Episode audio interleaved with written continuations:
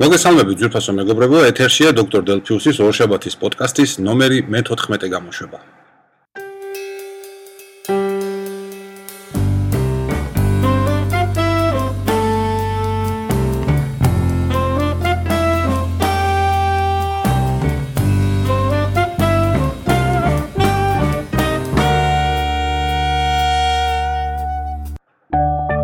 მაშასე დღეს არის 22 ივლისი. საფხულის მეორე ნახევარში გადმოვედით. ძლიერი წვიმებიც ვნახეთ. თბილისშიც მის შემოგარენშიც და დასავლეთ საქართველოსშიც. მაგრამ მე ჯერჯერობით ეგ საკითხი არ მაშფოთებს ვინაიდან როგორც იქნა დადგინდა ჩემი შვებულების თარიღი. ეს არის 12-დან 18 აგვისტოს ჩათვლით. და იმედი მაქვს რომ არაფერი არ შეიცვლება არც ამ თარიღებში და ზოგადად დასვენების საკითხში ვინაიდან მე ძალიან ძალიან მჭირდება ახლა სხვაზე წასვლა დასვენება და ენერგიის განახლება მომატება და ასე შემდეგ და ასე შემდეგ. აა ავირჩიე დასასვენებლად დაბა შეკვეთილი არასოდეს არ ყოფილვარ ამ მხარეს, ну, ურეკში ვარ, რამდენჯერმე ნაყოფი და ძალიან მიყვარს, მაინც ბოლოს და ბოლოს მშობლიური მხარეა, მაგრამ აი შეკვეთილში არ ვარ ნაყოფი და ვისაც არ ვკითხე, ყველამ ძალიან მირჩია ესეთი პენსიონერული დასვენების პონტები იქნება, ანუ არაფერი არ ხდება. რაც ზუსტად მინდა, იმიტომ რომ ძალიან არ მიყვარს, ოდესაც ზღვაზე დასვენებისას მაწუხებს ბუნგალოებიდან გამოსული სხვადასხვა ჭყვეტინა მუსიკა. აა უამრავი ხალხი, უამრავი ხალხი თბილისშიც გვიყოფა. აა მე კიდე მინდა რომ უფრო რაღაც ისე წყნარად შვიდად დავისვენო. ვიდეო მარტო, თუმცა იმედი მაქვს რომ ერთი ადამიანი ჩემთან სტუმრად ჩამოვა და კამპანიას გამიწევს. ნახოთ რამდენად ეს მოხერხდება. აა მოკლედ, ასეა თუ ისე, სასტუმროც შევარჩიე. ბილეთები მატარებლის კი ნახავთ თვითონ არის მეთქი. მატარებლის ბილეთებიც ელექტრონული ნაკედია. ბოლო-ბოლო ახლა 21 საუკუნეა და ტექნოლოგიებს ცოტა თუნდა ფეხი აუწყოთ, რომ ვიყოთ ასე თქვა მოწოდების სიმაღლეზე. აა და მოკეთ ყველა ფიქრები და აზრები მიმართული იქითკენ, როდის მოვა 12 უბრალოდ 11 აგვისტო ღამე, როდესაც მე გავემგზავრები აა დაბა შეკვეთილისაკენ და დილით გამთენიისას იქ ჩავალ. ეს ასე ამას რაც შეეხებოდა. აა გასული კვირა დატვირთული იყო ძალიან ბევრი საკითხით. პირველი ალბათ ის, რომ ჩვენო კომპანიამ დახურა ქავთარაძის ფილიალი, რამაც რა თქმა უნდა გამოიწვია ბევრი ენერგიის ხარჯვა იმისთვის, რომ მთელი საქონელი იქ არსებული გადმოსულიყო თბილისის ცენტრალის სამ დარჩენილ ფილიალში.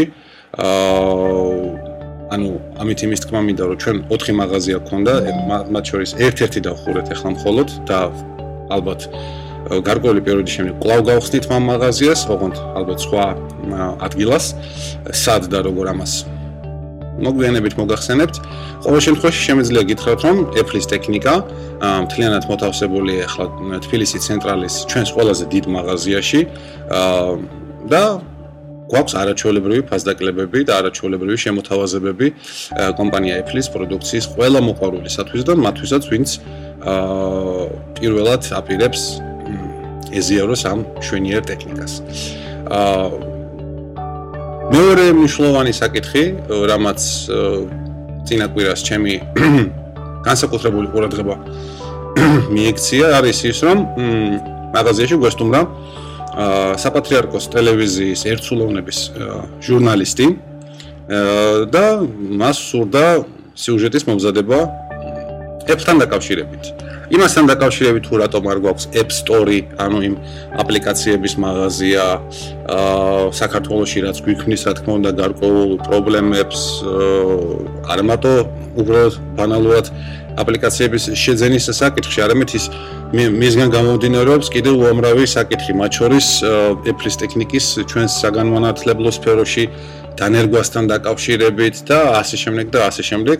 ხუჩაბაც ჩავწერეთ ეს გადაცემა და ვფიქრობ, რომ ძალიან საინტერესო გამოვიდა და თან ჩვენთვის ძალიან გასაკვირი იყო, რომ ეთერში თითქმის 10 წუთის განმავლობაში შეიძლება მეტ ხანსაც კი გადიოდა, ანუ საკმაოდ ესეთი არ იყო რაღაც მიჩეხელ მოჩეხილი, პრაქტიკულად ყველაფერი რაც ვისაუბრეთ, პრაქტიკულად ყველაფერი, რაზეც გამოვთქვით მოსაზრებები, ყველაფერი იყო ამ გადაცემაში ნაჩვენები, რამაც მე ძალიან რა თქმა უნდა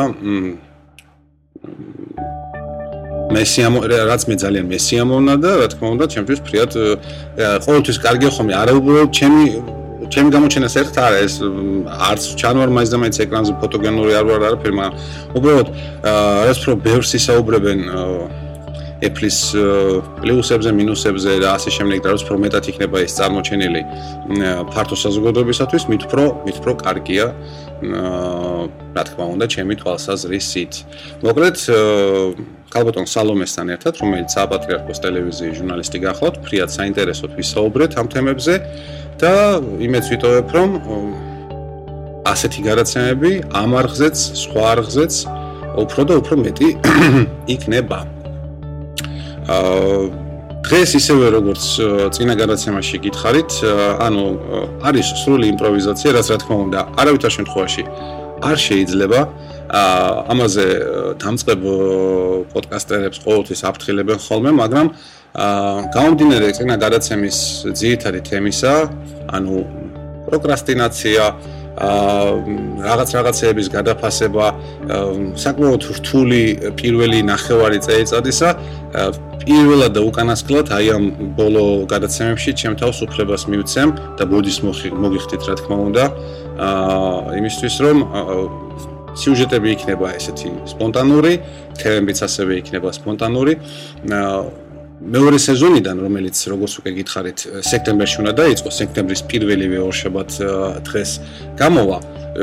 გადაწყობილი იქნება გადაცემის სტრუქტურაც, თემებიც იქნება მეტნაკლებად, ანუ ყოველთვის ცნობილი იქნება რამდენი სექციისგან იქნება შემდგარი გადაცემა, რა არის შემდეგ იქნება, როგორი მუსიკალური გაფორმება, შეიძლება მუსიკალური გაფორმება ცოტათი შევცვალოთ ეს ჯინგლი. თუმცა ახალდელი ჯინგლი მე პირადად ძალიან მომწონს. გამოთქვით ყოველ შემთხვევაში თქვენი აზრი.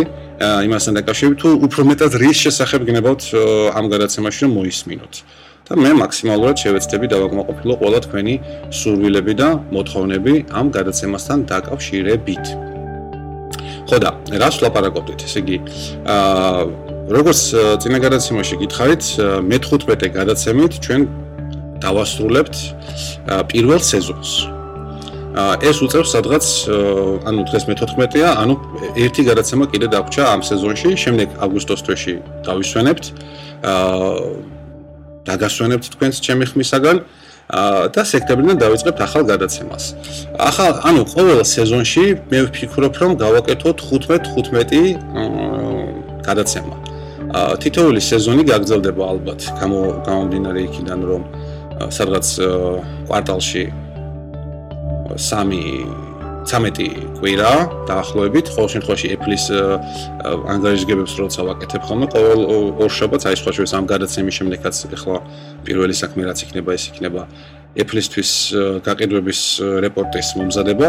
ანუ 13 კვირა დაახლოებით ერთი კვარტალი, 15 კვირა გამოდის 4 თვემდე დაახლოებით. ზუსტად ანუ ჩვენ ვჯდებით ესეთ სისტემაში შემოდგომაზე გვექნება ესე იგი მეორე სეზონი, მე ზამთარ გაზაფხულში გვექნება მესამე და გაზაფხულ ზაფხულზე გვექნება მეოთხე და ასე შემდეგ და ასე შემდეგ იმედია რომ ეს გადაცემა ძალიან დიდხანს გასტანს და ნუ თქვენთვის საინტერესო იქნება რა თქმა უნდა. აა მე მაქვს სხვადასხვა სახის მოსაზრებები მეორე სეზონთან დაკავშირებით. სტუმრები ალბათ კლავაც როგორც სუსუ პირველ გადაცემაში აღნიშნე. არ იქნებიან ეს იქნება წმინდა წყლის მონო პოდკასტი. აა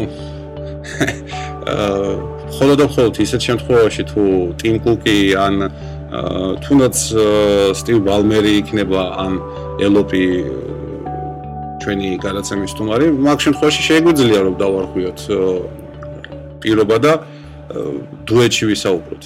მაგრამ ნუ კარგად მოგეხსენებათ, რომ ალბათ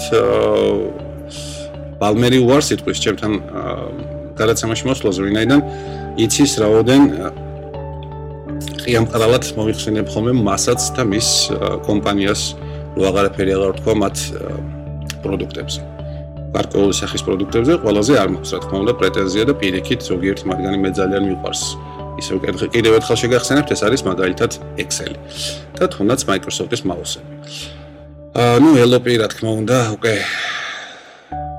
კარგი დავანებოთ ამ ხუმრობას თავი, რა თქმა უნდა, აქ არავინ არ მოვა. ყოველ შემთხვევაში, რომც იყოს ამის საშუალება, მე იმ ხალხს სულ სხვა გარაცემაში მოვიწვევ და სულ სხვა ფორმატში გავაკეთებ და ეს არ არის უბრალოდ ხუმრობა. იმეც ვიტყობ, რომ ოდესმე ასეთი შანსი ყოველ შემთხვევაში მე გამიჩნდება.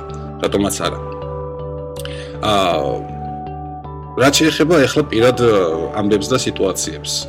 არ ვიცი, რამდენად შეიძლება მე მართალი ვიყო და შეიძლება ცდებოდე, შეიძლება არ ცდებოდე, მაგრამ გადაწყვეტილი მაქვს ყველაფერი ნიშნულოვანი საქმეები გადა მიმდინარე ყველაზე ისეთი საკითხების რომელიც არითხო ვერითმენს და ასე ვთქვათ გადადებას ვერანაირად ვერიტანს გადავიტანო შვებულების შემდგომ ანუ აგვისტოს მეორე ნახევარის, ესე იგი სადღაც ფერისცვალების შემდეგ 19 აგვისტოდან, ან უფრო უმჯობესი სექტემბრის პირველი რიცხვებიდან. მე ასეთნაირად ვარაუდობ, რომ თქვათ, შეგულებიდან გამოსვლის შემდეგ საფუძვლიანად დავალაგო ყველა ის საკითხი, ის თემა, რომელიც ჩემგან მოითხოვს ძალიან მნიშვნელოვან ყურადღებას. უახლოესი 1 თვის, 3 თვის, 6 თვის, 1 წლის და თქვა 5 წლის განმავლობაში ასეთი შორს მიმოვალი პროგნოზებიც უნდა გააკეთოს ადამიანმა აუცილებლად. ამაზე მე რომელიღაცა წინა გადაცემაში ვსაუბრობდი. აი კიდე ერთ-ერთი თუდუ აა საკუთარ თავს რომელიც უნდა ასე ვთქვათ ჩაუწერო, რომ ყველა წინა გადაცემა მოვისმინო აუცილებლად ეს ფილფიუსის ორშაბათის პოდკასტი და ყველა ის დაპირება, ყველა ის იდეა, რომელიც საკუთარ თავთან მიმართებაში გამიჩნდა, აუცილებლად შევეცადო რომ განვახორციელო. მოკლედ, აგვისტოს მეორე ნახევარში ვაპირებ ყველაფერს აი ამის დეტალურად გაკეთებას და აქტიურად მუშაობის დაწყებას. ძირითადად, ძირითადად, რა თქმა უნდა, ენერგია მიმართული იქნება თვით განვითარებაზე. იქნება ეს როგორც გონებრივი, ასევე ფიზიკური. სამწუხაროდ არც ერთი და არც მეორე საკითხი ამ ეტაპზე არ არის ჯეროვნად დატვირთული, დაფასებული ჩემი მხრიდან და შესაბამისად ითხოვს გაცლებით მეტ ყურადღებას, ვიდრე ახლა მე მას მე მათ ვაქცევ. აა გონებრივში რა იგულისხმება?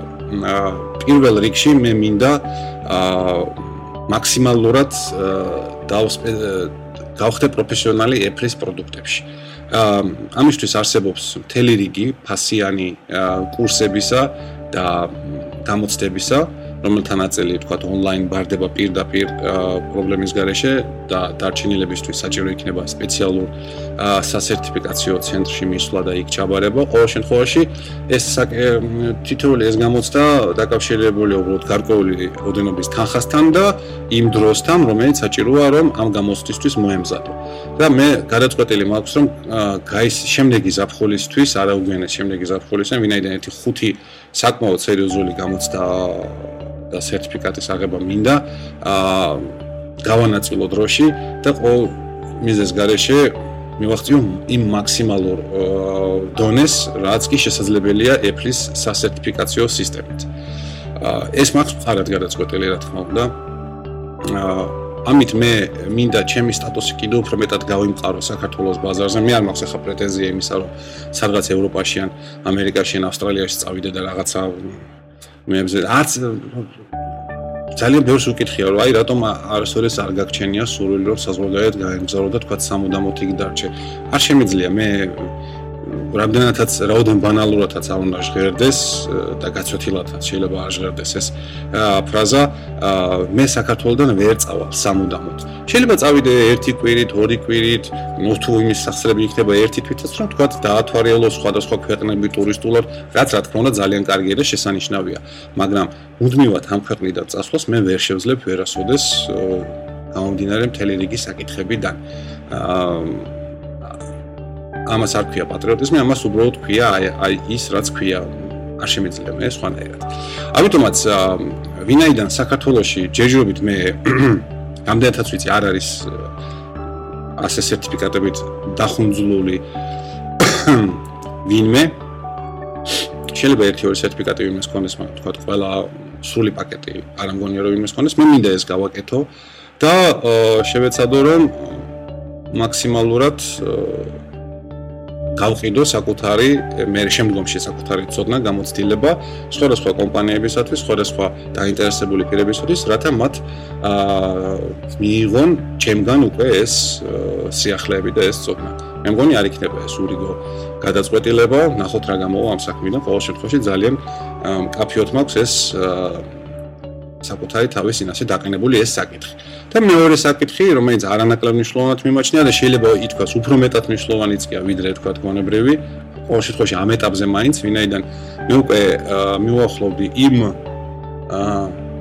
ასაკობრივ ზღვარს, შეიძლება ესე ითქვას, რომლის შემდეგაც ანუ რა დაწყებული დღეიდან, კი არა და უბრალოდ ერთი 3 წლის ინანდელიდან დაწყებული რო ყოფილიყო, რო ავთვალოთ.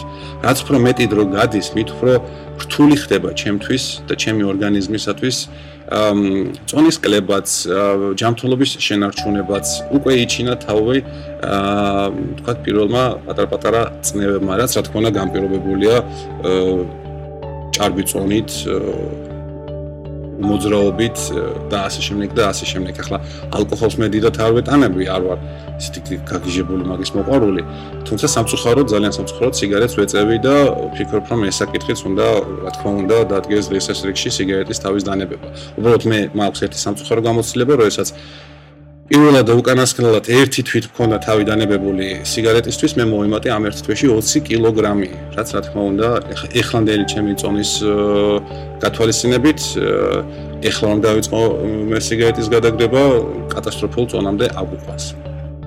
მოკლედ, ფიზიკური და გონებრივი განვითარება პირველ ადგილზე იდგება, რა თქმა უნდა. შემდგომში მოდის უკვე, რა თქმა უნდა. რაოდენად შეიძლება უცნაურად არ ჟღერდეს უკვე სამსახურეობრივი საკითხები აა რა თქმა უნდა ეს ამნიშლოვანია, მაგრამ იმედი არავინ არ მიწყენს თუ ვიტყვი რომ პირადად ჩემთვის საკუთარი თავის მოწესრიგება ჯანმრთელობის თვალსაზრისით, გონების თვალსაზრისით გაცილებით უფრო მნიშვნელოვანია ვიდრე ნებისმიერი სამუშაო. ვინაიდან თუ ერთსაც და მეორესაც მოვაწესრიგებ სამუშაოს გაცილებით უფრო კარგად გავაკეთებ და უფრო მეტად პროდუქტიული ვიქნები. და მესამე ეტაპზე, კი არა და მესამე დონეზე, მესამე საფეხურზე დგას ყველა ის დანარჩენი ჰობი, რომელთაც მე ვერთობი. მართალია ლოკალიზაციის მე ყოველთვის გარკვეული პერიოდის დიდი ხნის განმავლობაში ვიყავი პროფესიულად დაკავებული, მაგრამ ახლა ყოველ შემთხვევაში ამ ეტაპზე ხანდახან ხდება ხოლმე რომ ჩაგვივარდება ხელში აა პროფესიული ისე ვთქვათ ანაზღაურებადი სამუშაო რაც მაგალითად დავასრულეთ გასულ კვირას მე და დევი. და 1 აგვისტოდან აა შემოგთავაზებთ WordPress 351-ის სრულ გაქართულებას და ასევე პირველად ქართულად შემოგთავაზებთ BBPress ეს არის WordPress-ის ფორუმ ფორუმის მოდული, რომელიც შეიძლება არ იყოს ისეთი ასე ვთქვათ, ნავაროჩენი როგორც სპეციალიზირებული ფორუმის ძრავები, მაგრამ ყოველ შემთხვევაში WordPress-თან არის მაქსიმალურად ინტეგრირებული და თქვენ შეგეძლებათ საკუთარ WordPress საიტებზე გააკეთოთ ფორუმული ნაწილი. და კიდე მესამე მოდული, რომელიც ჩვენ გავაქართულეთ და რომელიც კიდევ უფრო მნიშვნელოვანია, მოკეთ ჩემი ტელეფონი არის ვენებს და სულ და გზავნის და გზავნის მესიჯებს. აა მესამე ჩანართი ჩადგმა პლაგინი არის BuddyPress-ი.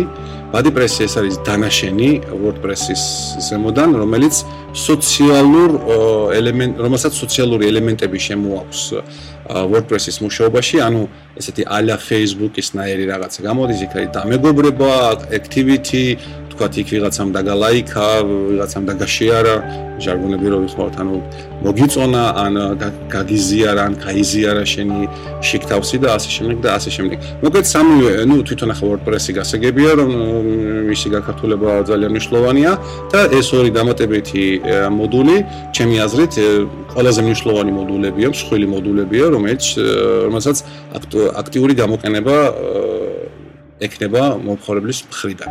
მოკლედ ეს ჩვენ დავასრულეთ, დამკვეთს მივაწოდეთ უკვე ეს ფაილები, რაღაც გარკვეულ დროში ანაზღაურებასაც მივიღებთ და მასთან ამ დამკვეთთან მოლაპარაკების თანახმად რამდენიმე კვირის შემდეგ ჩვენ უკვე შეგვეძლება რომ ეს ნამუშევარი ავტვირთოთ უშუალოდ WordPress-ის სერვერებზე, რასაც აუცილებლად აგვისტოს პირველი რიცხვებში ჩვენ გავაკეთებთ. აა კიდევ ერთხელ შეგახსენებთ, რომ WordPress საქართველო, ანუ k.wordpress.org შეიქმნა ჩემი დიდი ძალისხმევით და დღესდღეობით მე ვარ თავარი მაინტაინერი ამ მიმართულებით WordPress-ის საზოგადოებაში. მე პირობას გაძლევთ, რომ აგვისტოს პირველი რიცხვებში 351 WordPress-ი უკვე ხელმისაწვდომი იქნება ქართულ ენაზე. და უკვე შემდგომში უკვე 3-6-3-7 წელს გველოდება საინტერესო სიახლეები ამ მიმართულებით და რაზეც რა თქმა უნდა შემდეგ გამოშვებებში, როდესაც შესაბამისად ამ ინფორმაციას მივიღებ, აუცილებლად მოგაწვდით ამ საკითხთან დაკავშირებით სიახლეებს. მოკლედ აი ესეთი მრავალწახნაგოვანი და ესეთი მრავალთემიანი გადაცემა გამოგვივიდა მე-14. აა კიდევ ერთხელ შეგახსენებთ, რომ პირველი სეზონი დოქტორ დელფიუსის ორშაბათის პოდკასტის პირველი სეზონი შემდეგი გადაცემით დასრულდება და ერთი თვით დაგვემშვიდობებით და სექტემბრის პირველივე ორშაბათს გავა მეორე სეზონი. ჩვენ წინ გველოდება კიდევ ერთი დამაგვირგვინებელი ბოლო გადაცემა პირველი სეზონისა. მანამდე კიდე გემშვიდობებით წარმატებულ ორშაბათს გისურვებთ, ვინაიდან ორშაბათი კიდევ ერთხელ შეგახსენებთ, რომ ძიმე დღეა და გისურვებთ, რომ რბილად და ადვილად გადაგეტანოთ ეს კვირა და უფროსებისგან არ მიგეღოთ რაიმე საყვედურები და ასე შემდეგ და ასე შემდეგ. მომავალ შეხვედრამდე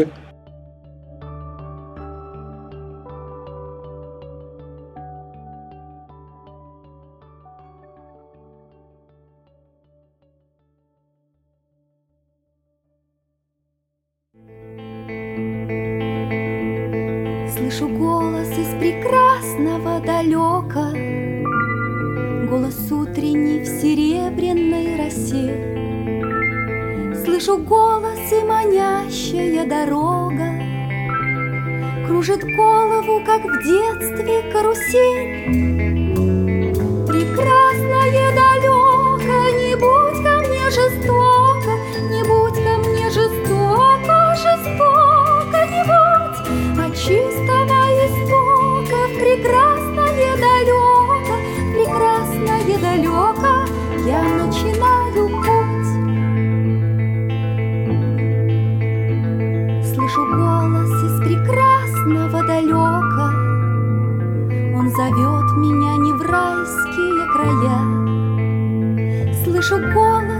Спрашивает строго, А сегодня что для завтра сделал я? Прекрасное далеко, не будь ко мне жестоко, Не будь ко мне жестоко,